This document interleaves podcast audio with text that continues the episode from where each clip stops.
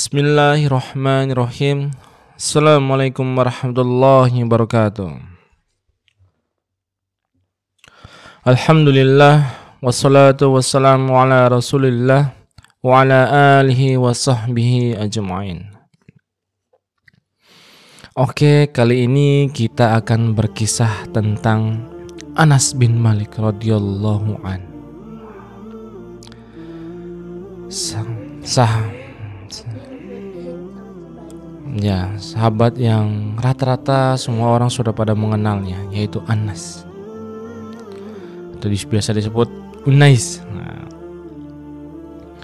Ya Allah, limpahkanlah harta dan anak kepadanya dan keberkahan untuknya. Di antara doa Rasulullah Sallallahu Alaihi Wasallam untuknya, usia Anas masih sangat muda ketika ibunya Al Gumayso mentalkinnya dengan dua kalimat syahadat. Ibunya mengisi hatinya yang bersih dengan kecintaan kepada Nabiul Islam Muhammad bin Abdullah sallallahu alaihi wasallam. Maka di benak Anas pun mulai tumbuh rasa cinta kepada Rasulullah sallallahu alaihi wasallam. Sekalipun dia belum pernah bertemu dengan Nabi yang mulia sallallahu alaihi wasallam. Dan hanya mendengar kisah beliau sebatas dari orang ke orang. Jadi Anas tuh sudah tumbuh cinta kepada Rasulullah padahal belum ketemu. Oh, kok bisa belum ketemu nih? Nah ini dia. Tidak mengherankan karena terkadang telinga lebih dulu merindukan sesuatu daripada mata. Masya Allah. Betapa seringnya Anas kecil berangan-angan bisa berkelana menemui nabinya di Mekah. Nah berarti Anas ada di mana nih? Di Madinah betul. Atau beliau SAW bisa datang kepada mereka di Yastrib sehingga dia bisa berbahagia karena bisa melihatnya dan tentram karena berjumpa dengannya. Angan-angan itu dalam waktu dekat ternyata telah berubah menjadi kenyataan. Yasrib yang membanggakan dan berbahagia mendengar bahwa Nabi SAW dan sahabatnya As-Siddiq sedang dalam perjalanan ke arahnya. Ya, betul. Maka keceriaan menaungi semua rumah dan kebahagiaan menyelimuti semua hati. Mata dan hati bergayut dengan jalan yang penuh berkah, jalan yang membawa langkah Nabi Sallallahu Alaihi Wasallam dan sahabatnya ke Yasrib. Anak-anak muda tergumam, tergumam tuh tercengang lah, wah senang gitu mas. Setiap cahaya pagi bersinar, Muhammad telah datang. Wah pada bilang gitu. Maka Anas, Anas kecil ya, bersama anak-anak kecil lainnya berlari-lari hendak menyebutnya, menyambutnya, namun dia tidak melihat siapa pun. Dia pun pulang dengan sedih lagi kecewa. Jadi, wah, Muhammad lah datang pada lari tuh ke depan. Kalau di rumah mah di komplek, oh lari ke depan komplek gitu kan. Nyata pas lari ke depan komplek, eh ternyata belum ada. Sedih akhirnya anak-anak ini. Di suatu pagi yang indah, yang penuh asa dan keceriaannya yang semerbak, Orang-orang Yasrib pun saling berbisik satu sama lain. Mereka berbisik, Muhammad dan sahabatnya telah berjalan mendekati Madinah. Maka, orang banyak pun berhamburan ke jalan-jalan yang penuh berkah. Jalan yang membawa Nabi petunjuk dan kebaikan kepada mereka. Mereka berbondong-bondong menyambut kedatangan beliau secara bergelombang, kelompok demi kelompok. Di sela-sela mereka ada sekumpulan anak-anak yang tak kalah bersemangat Wajah-wajah mereka dihiasi kebahagiaan dan menyatu dengan hati kecil mereka serta yang penuh sukacita memenuhi jiwa mereka yang jernih. Di barisan depan anak-anak tersebut adalah Anas bin Malik al-Ansori. Jadi Anas dari mana nih? Kaum Ansor, betul. Rasulullah SAW dan sahabatnya Asidik datang. Keduanya berjalan di antara kumpulan orang-orang dewasa dan anak-anak dalam rombongan yang besar. Ternyata akhirnya Rasulullah SAW datang nih. Adapun kaum wanita dan gadis-gadis remaja yang biasa tinggal di rumah, maka mereka naik ke atap-atap rumah. Mereka ingin melihat Rasulullah SAW seraya bergumam, seraya berkata dalam hati, ngomong nih, yang mana dia? Yang mana dia tuh kata gadis-gadis remaja tadi. Nah, di sini kita bisa ngeliat kaum wanita dan gadis-gadis ternyata tinggal di rumah. Mereka tidak keluar, jadi menjaga diri, menutup aurat. emang fitarnya wanita adalah seperti itu nak. Gentengnya iya gentengnya juga nggak pakai genteng kayak gini gitu. Pakai daun-daun dari pohon-pohon kurma.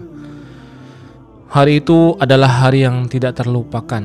Anas bin Malik radhiyallahu an senantiasa mengingatnya sampai dia berumur 100 tahun lebih Tidak lama setelah Rasulullah SAW tinggal di Madinah, Al-Gumaiso binti Milhan. Siapa tuh? Iya, ibunya. ibunya Anas. Datang kepada beliau dengan disertai Anas, anak laki-lakinya yang masih kanak-kanak. Anak laki-laki itu berlarian di depan ibunya dengan ujung rambut yang jatuh di keningnya. Nah, jidatnya. Jadi rambutnya panjang tuh ada poninya. Namanya anak-anak suka lari-lari di depan ibunya. Fitrahnya anak-anak. Al-Gumaiso mengucapkan salam kepada Nabi SAW dan dia berkata, Ya Rasulullah SAW, semua laki-laki dan wanita dari Ansor telah memberimu hadiah. Tetapi aku tidak mempunyai apa pun yang bisa aku jadikan hadiah untukmu selain anak laki-lakiku ini. Terimalah dia dan dia akan berkhidmat kepadamu sesuai dengan apa yang kau inginkan. Nabi SAW berbahagia. Beliau memandang anak muda ini dengan wajah berseri-seri. Beliau senang, masya Allah. Beliau mengusap kepalanya dengan tangan beliau yang mulia, menyentuh ujung rambutnya dengan jari-jari beliau yang lembut dan beliau menganggapnya sebagai keluarga. Anas bin Malik atau Unais, Unais itu anak kecil. iya.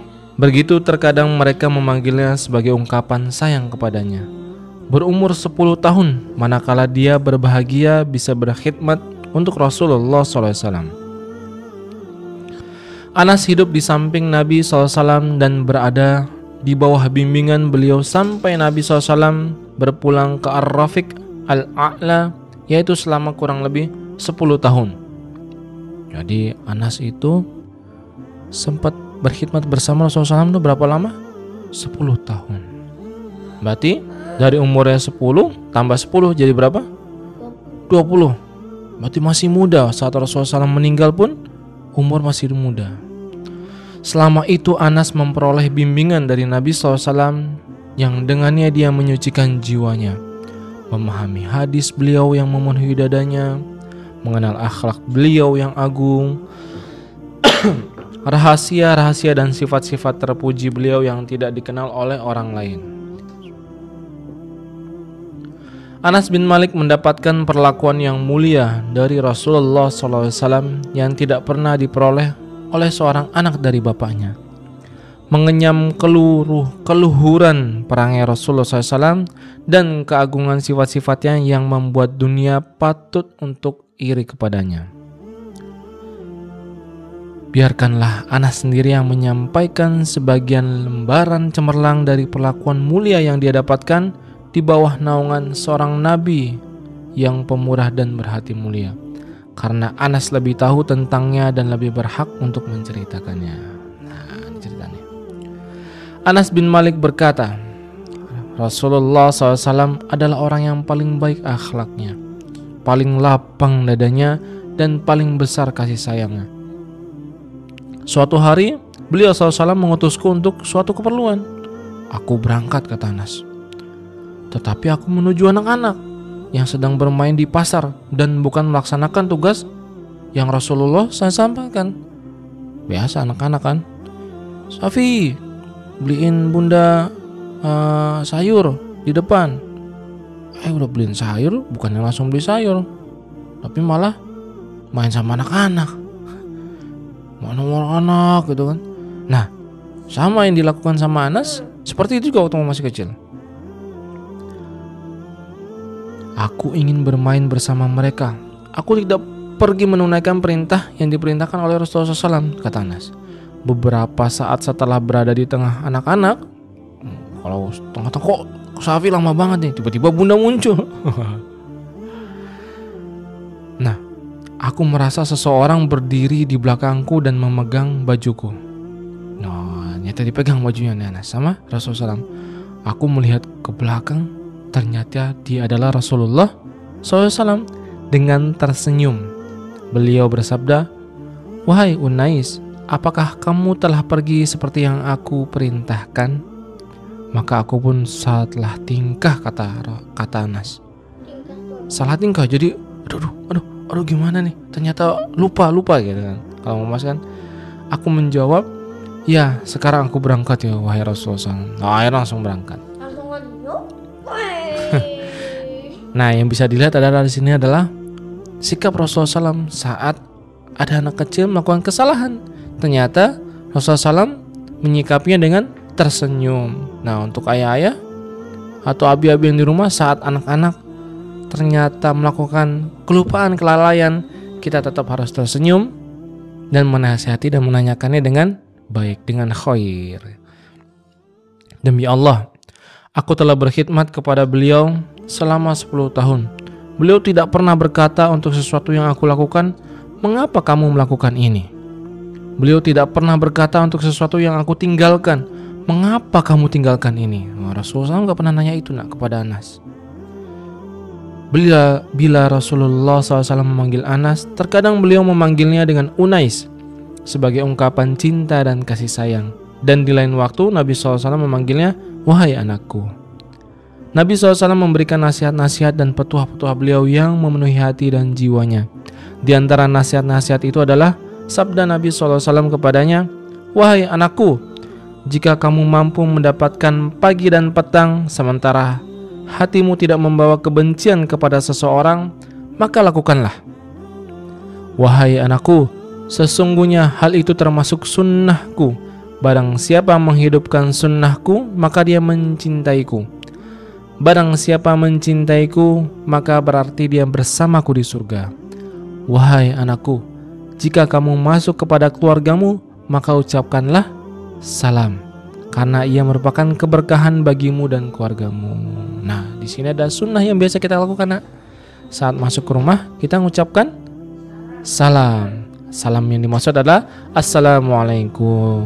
Jadi kalau mau masuk habis main jangan Safi pulang. Lupa ngucapin salamnya. Lupa baca doa juga masuk ke rumahnya. Jangan sampai seperti itu. Kita lanjutkan. Anas bin Malik radhiyallahu an hidup setelah Rasulullah SAW wafat selama 80 tahun lebih. Hmm, jadi kan tadi pas ketemu Rasulullah SAW baru datang ke Madinah umur 10 bersama Rasulullah berapa lama? 10 tahun juga. Kemudian hidup 80 tahun lebih karena umurnya 100 lebih. Selama itu Anas mengisi dada umat ini dengan ilmu Rasulullah SAW yang agung dan menumbuhkan akal pikiran mereka dengan fikih kenabian. Selama itu Anas menghidupkan hati umat dengan petunjuk Nabi SAW yang dia sebarkan di antara para sahabat dan tabi'in. Dengan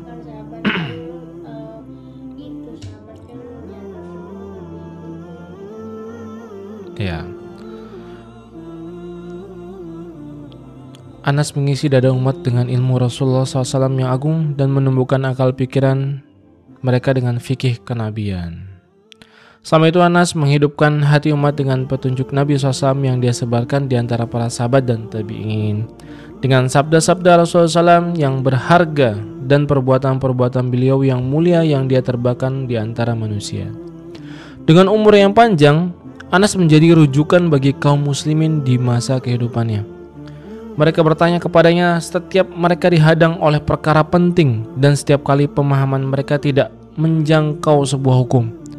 Di antaranya sebagian orang-orang yang gemar berdebat dalam agama atau berselisih tentang haud atau tentang tenaga Nabi SAW di hari kiamat. Maka mereka bertanya kepada Anas tentang hal ini. Anas pun berkata, Aku tidak pernah menyangka akan bisa hidup sehingga aku melihat orang-orang seperti kalian yang berdebat dalam perkara telaga Nabi SAW. Sungguh, aku telah meninggalkan wanita-wanita tua di belakangku.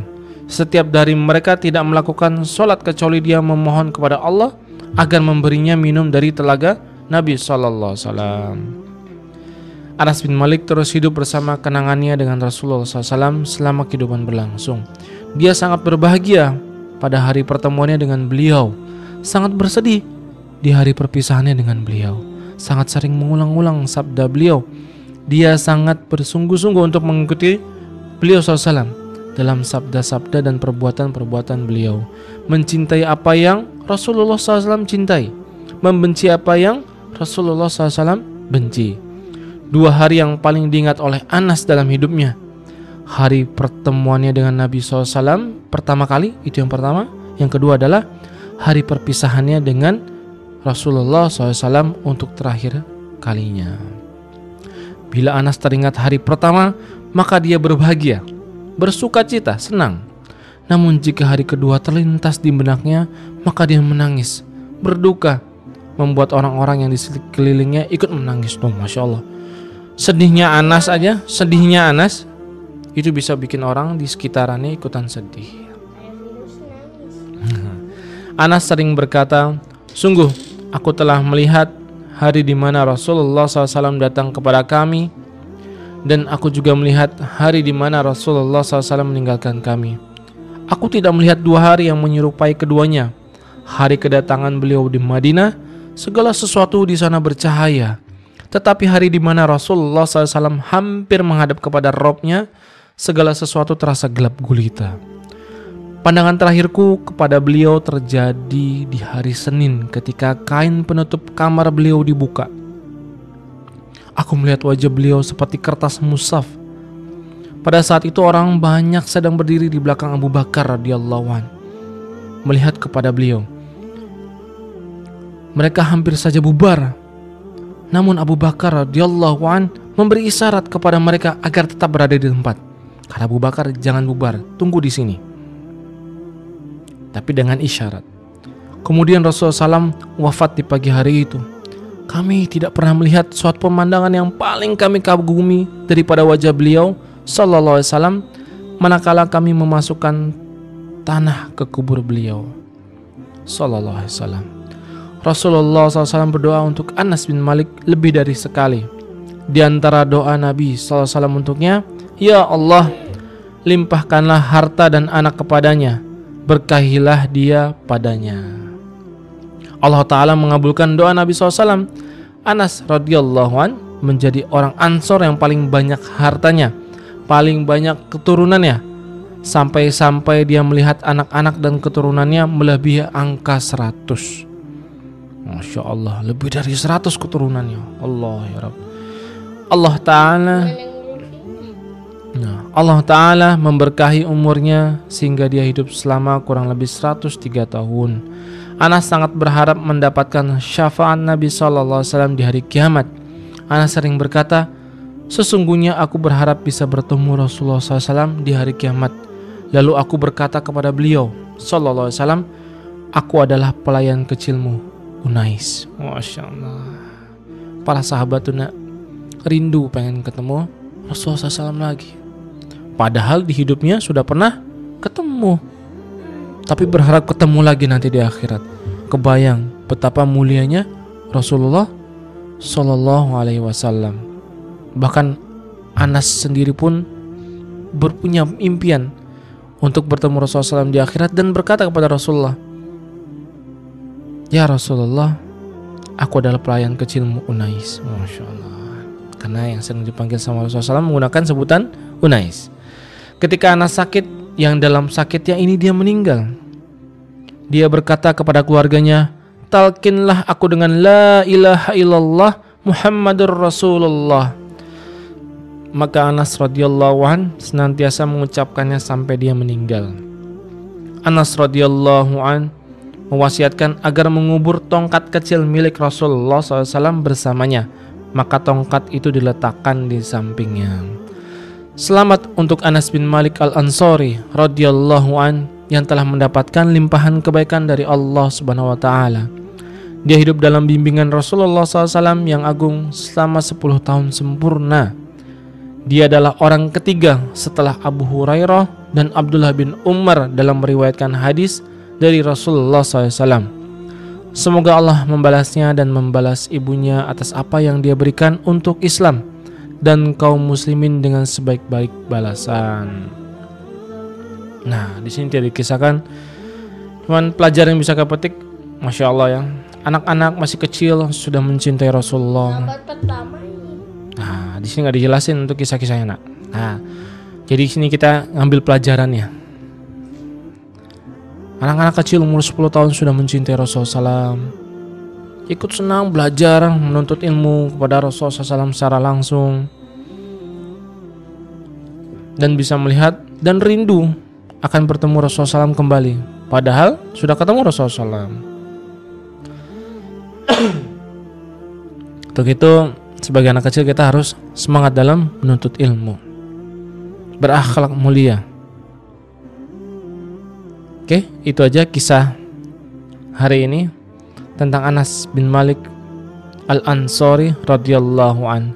Subhanakallah wa bihamdik asyhadu an la ilaha illa anta astaghfiruka wa atubu ilaik.